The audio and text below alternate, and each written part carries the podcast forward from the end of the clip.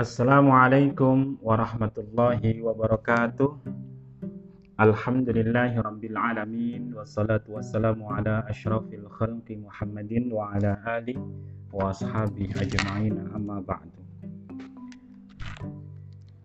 Jumpa kembali dengan Ahmadi fasilitator bimbingan perkawinan KUA Balikpapan Utara rekan-rekan NU Damai Channel TV sahabat pengantin yang berbahagia sebagai lanjutan kajian-kajian sebelumnya, yaitu mengupas tentang buku pegangan bimbingan perkawinan fondasi keluarga sakinah bacaan mandiri calon pengantin terbitan Subdit Bina Keluarga Sakinah Kementerian Agama RI. Jadi obrolan-obrolan yang kemarin bahwa seseorang ketika menikah secara umum mereka ingin bahagia Menikah ingin senang, menikah ingin mendapatkan ketenangan.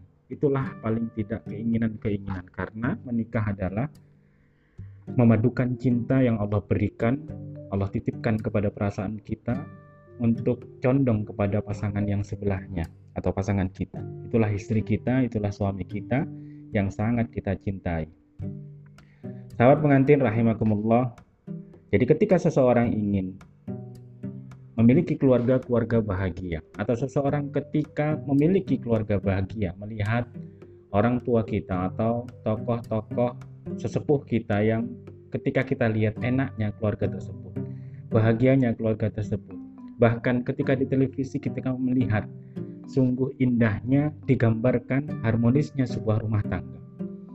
Di sini paling tidak kita akan dapat melihat beberapa poin penting yang telah mereka lakukan. Di antaranya ada mereka selalu menjalankan menjalankan tujuh fungsi keluarga dibentuknya sebuah keluarga. Pengantin. Mari coba sama-sama kita menelisik sebentar atau mencoba meraba-raba apa kira-kira yang mereka telah lakukan sehingga kita dengan harapan dengan menelisik sebentar kita paling tidak dapat meniru atau menguswatun hasanai bahwa mereka-mereka yang telah sukses membentuk sebuah keluarga.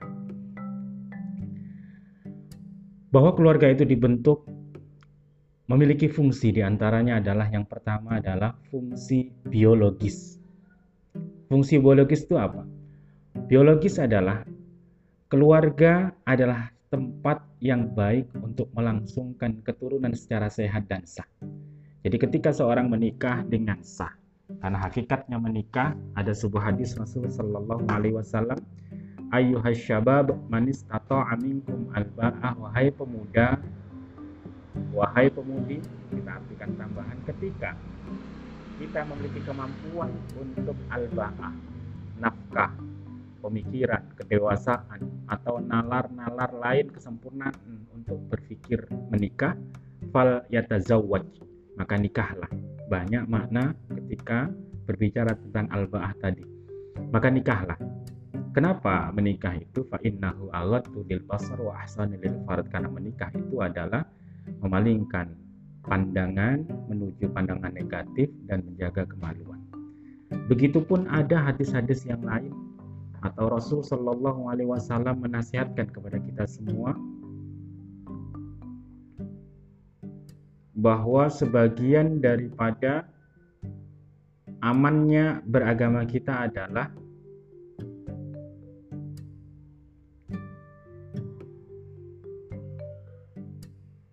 menjaga sesuatu di bawah perut kita. Di sini itu bagian daripada menikah. Jadi ketika kita di bawah perut kita itu atau bahasa lainnya adalah nafsu, keinginan biologis tadi sudah terjaga, kita sudah menjaga separuh daripada agama atau menyelamatkan karakter beragama kita. Seseorang ketika sudah memiliki hubungan yang benar, maka mereka akan memiliki rasa kepuasan, rasa ketenangan, rasa sesuatu yang luar biasa ketika berhubungan badan. Berbeda dengan seseorang yang tidak merasa benar di dalam melakukan aktivitas hubungan badannya, selingkuh, sembunyi-sembunyi berpacaran ketika mereka melakukan sesuatu tersebut maka pikirannya, ketenangannya, badannya semuanya bergejolak merasa sesuatu yang mereka lakukan adalah tidak benar, adalah tidak salah dan inilah yang berpengaruh kepada janin yang ketika janin tersebut jadi akibat hubungan badan tersebut. Sahabat pengantin rahimakumullah. Fungsi biologis yang lain adalah adanya bentuk kasih sayang di dalam rumah tangga. Kasih sayang orang tua kepada anak, anak kepada orang tua, terjaganya kesehatan, pendidikan yang memandahi, dan seterusnya. Itulah penting daripada fungsi biologis diterapkan di dalam rumah tangga. Yang kedua, sahabat pengantin. Fungsi yang kedua adalah fungsi edukatif. Ketika keluarga itu terbentuk, maka keluarga itu paling tidak dapat memerankan peran sekolah, peran edukasi, peran mendidik anggota keluarga kita. Adapun pepatah atau kata-kata hikmah, al ummahatu hiya madrasatul ula.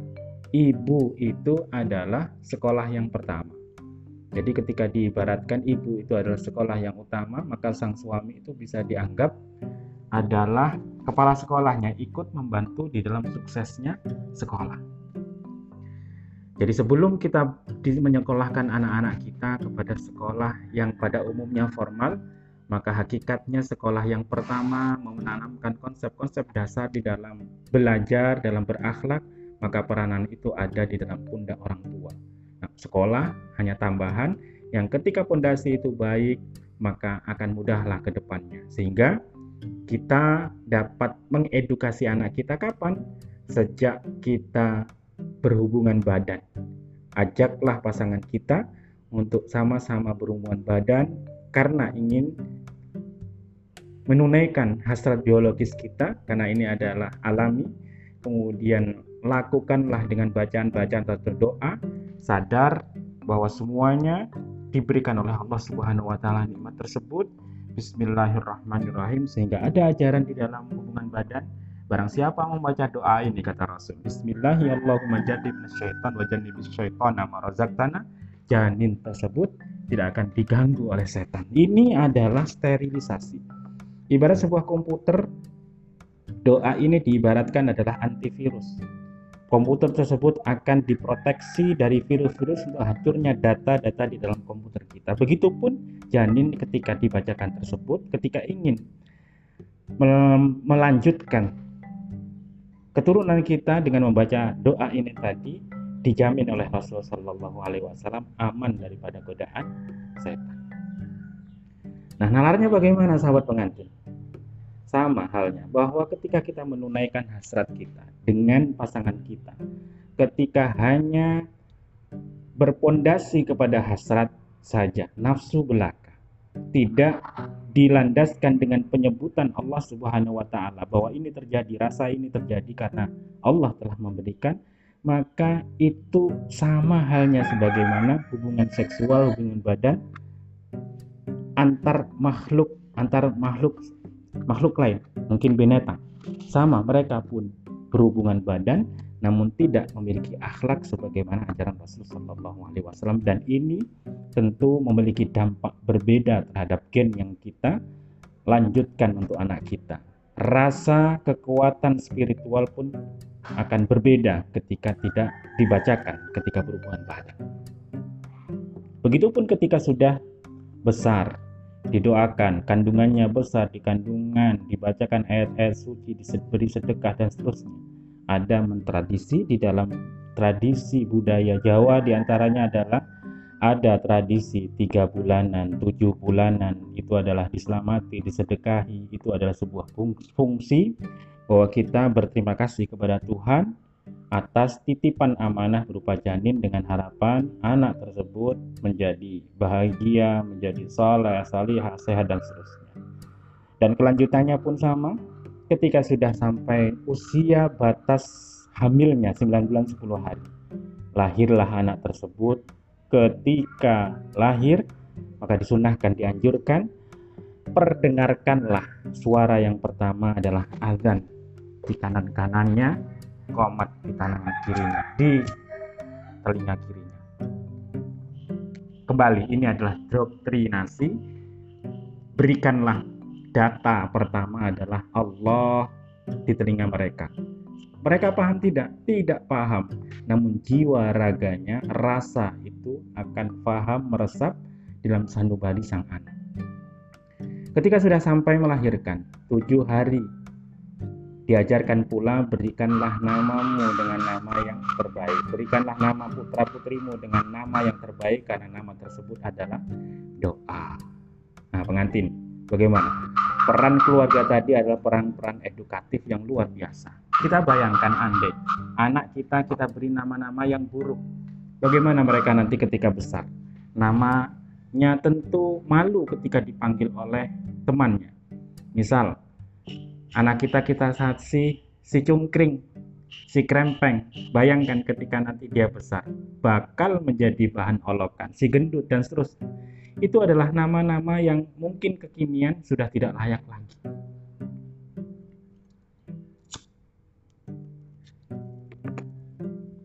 Rasul Shallallahu Alaihi Wasallam mengajarkan kepada kita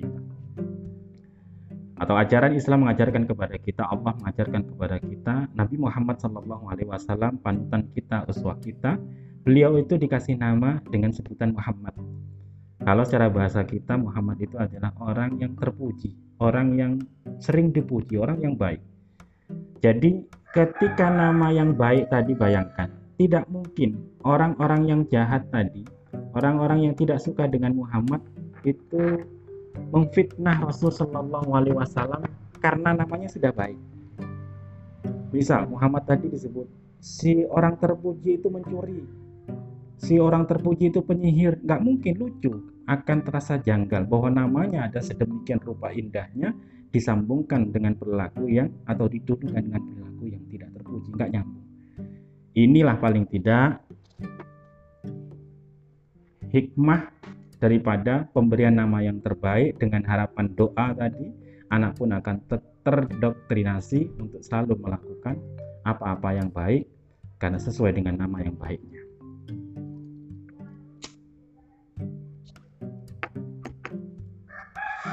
Yang ketiga pengantin.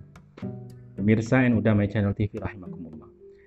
Peranan keluarga yang baik tadi, yang sakinah tadi pun ternyata memerankan fungsi yang ketiga adalah fungsi religius, fungsi keberagamaan. Keluarga adalah menjadi tempat untuk menanamkan nilai-nilai agama yang paling awal. Orang tua di sini memiliki tanggung jawab untuk memberikan pemahaman, memberikan penyadaran, memberikan contoh-contoh di dalam keseharian tentang ajaran keagamaan yang kita anut bersama. Tidak ada ceritanya harapan kita memiliki anak yang soleh dan solihah ketika kita tidak menanamkan, mengajarkan, membudayakan tradisi-tradisi perbuatan soleh yang kita lakukan yang dicontoh atau dilihat oleh anak-anak kita. Maka pengantin, ayah, ibu, muda, calon bapak, calon ibu, mari setar dari sekarang peranan fungsi fungsi keluarga ketika ingin mereligiuskan keturunan kita maka startlah dari sini. Ajarkan biasakan mereka maka mereka pun akan terbiasa. Sebagaimana contoh yang lain Rasul mengajarkan muru auladakum bisolati inda sab'i sanatin versinya. Ajarkanlah perintahkan anakmu ketika sudah sampai umur tujuh tahun perintahkan dia untuk melaksanakan salat. Ajarkan mereka salat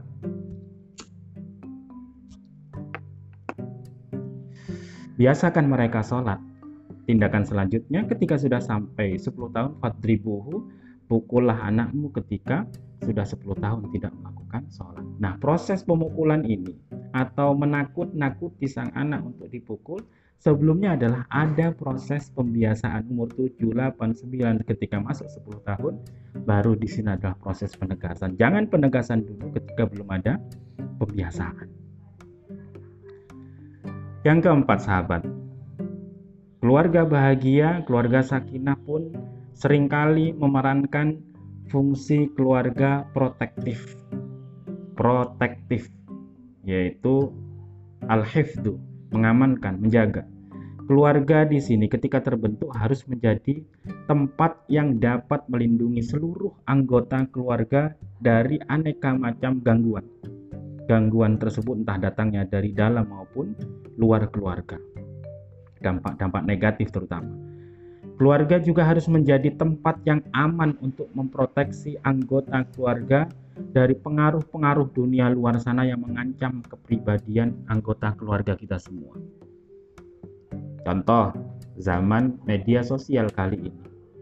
Pembelajaran daring, pembelajaran lewat HP anak-anak kita diajarkan untuk atau media ajarnya adalah melalui fasilitas HP atau laptop.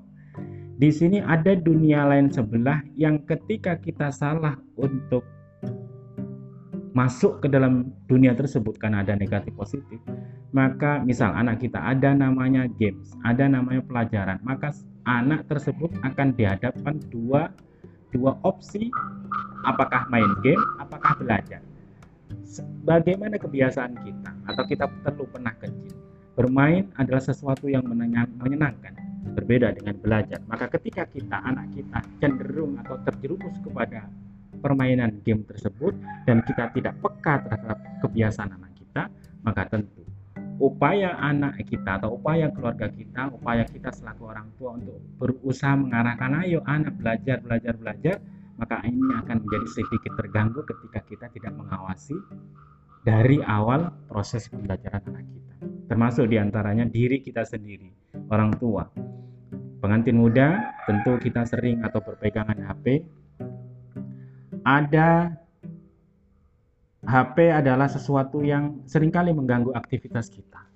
Facebook, Instagram, Yahoo Messenger, itu yang zaman dulu.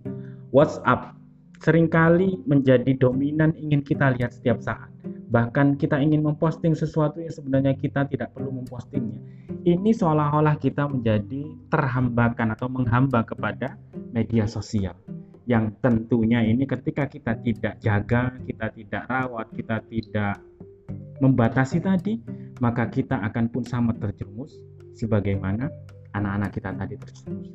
Nah, peran keluarga sebagai fungsi protektif, suami mengingatkan istri, istri mengingatkan suami, orang tua mengingatkan anak ketika hal-hal tersebut terjadi.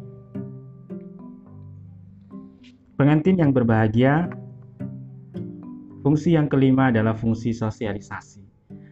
Keluarga yang tadi, keluarga yang bahagia adalah keluarga yang sakinah, adalah keluarga yang mampu berfungsi sebagai tempat untuk melakukan sosialisasi nilai-nilai sosial di dalam keluarga. Mampu mengajarkan bagaimana cara berinteraksi baik dengan keluarga sebelah, dengan tetangga sebelah, dengan cara menerapkan awalnya di dalam berkehidupan di keluarga kita sendiri. Ketika keluarga kita baik, ketika kita mampu mendidik keluarga kita dengan pendidikan yang terbaik, maka tentu alumni keluarga kita mampu untuk berinteraksi dengan tetangga kita yang lain. Yang keenam, sahabat pengantin, keluarga yang bahagia harus memiliki fungsi rekreatif, fungsi rekreasi atau bahasa kita yang sering kita paham. Jadi keluarga itu adalah tempat yang menyenangkan. Uh, ada dalam pepatah juga sama. Baiti jannati, rumahku adalah surgaku. Rasul Shallallahu Alaihi Wasallam menyatakan demikian. Jadi digambarkan oleh Rasul Shallallahu Alaihi Wasallam rumah itu adalah sesuatu yang menyenangkan. Capeknya kita semua ketika kita pulang melihat anak kita menyenangkan, hilanglah rasa capek kita. Seorang suami ketika uyuh, capek, pusing di tempat kerjaan, pulang melihat istri, semuanya hilang. Begitupun sebaliknya ketika istri pusing dengan permasalahan-permasalahan di dalam keluarganya, melihat suami datang semuanya lepas begitu saja. Ini akan terjadi ketika benar-benar keluarga atau anggota keluarga dapat memerankan fungsinya sebagai fungsi rekreatif bagi anggota keluarga yang lain. Terakhir pengantin, fungsi ekonomis. Jadi keluarga pun harus mampu menggerakkan fungsi keluarga dalam bidang perekonomian. Fungsi ekonomis ini sangat penting sekali dijalankan dalam sebuah keluarga. Kemapanan hidup itu dibangun di atas pilar ekonomi yang kuat. Untuk memenuhi kebutuhan dasar anggota keluarga, maka kita pun harus mapan di dalam berekonomi.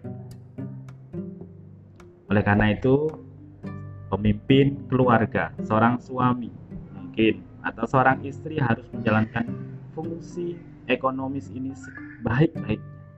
Keluarga harus mempunyai pembagian tugas secara ekonomi. Siapa yang berkewajiban mencari nafkah? Bagaimana mendistribusikannya? Bagaimana cara menabungkannya? Bagaimana berinvestasi untuk kepentingan-kepentingan keluarga pada bulan-bulan atau tahapan berikutnya.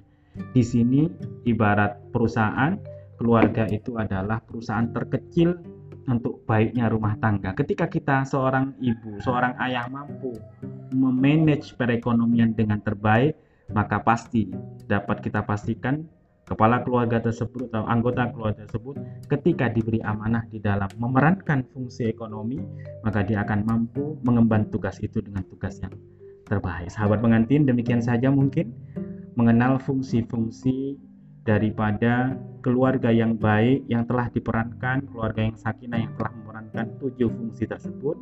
Jumpa kembali nanti insya Allah pada beberapa episode berikutnya. Kupas tuntas buku Fondasi Keluarga Sakinah bacaan mandiri calon pengantin mudah-mudahan bahagia selalu syukron wassalamualaikum warahmatullahi wabarakatuh